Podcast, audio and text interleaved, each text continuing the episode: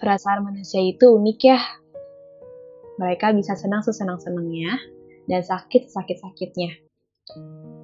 Bentuknya abstrak nggak ada wujudnya, tapi perannya sebesar itu sama kehidupan. Kadang juga kita nggak bisa dengan jelas ngedefinisiin. Malah sering bertanya-tanya, aku ini kenapa? Salah satu kekuatan hebat dari perasaan bisa mengikat dua insan yang akhirnya merasa saling memiliki. Padahal sebenarnya enggak. Sedikit egois ya emang, memaksakan yang bukan punyanya. Ya tapi gimana? Hati udah terlanjur mengizinkan untuk tersakiti dan perasaan itu dengan perlahan-lahan malah mulai mengisi. Karena sudah dewasa, Harusnya masing-masing dari mereka sudah paham tentang resiko dari setiap langkah yang mereka ambil. Tapi ya tetap aja, perasaan kadang nggak bisa bohong. Mungkin satu hal yang bisa kita kontrol adalah mindset. Cara pandang kita terhadap keadaan yang udah terlanjur kayak gini.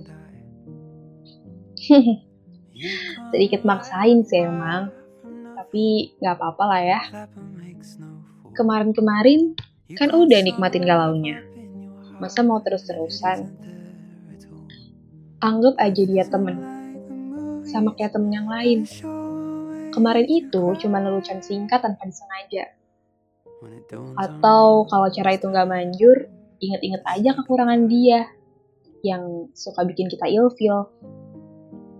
Kata orang sih, salah satu jalur yang paling manjur, ya jalur ilfil itu. Hah, tapi walau bagaimanapun,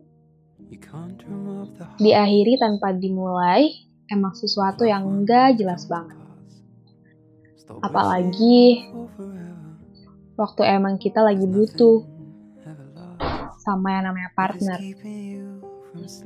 Entah itu buat nemenin kesepian kita atau bahkan sampai buat diseriusin.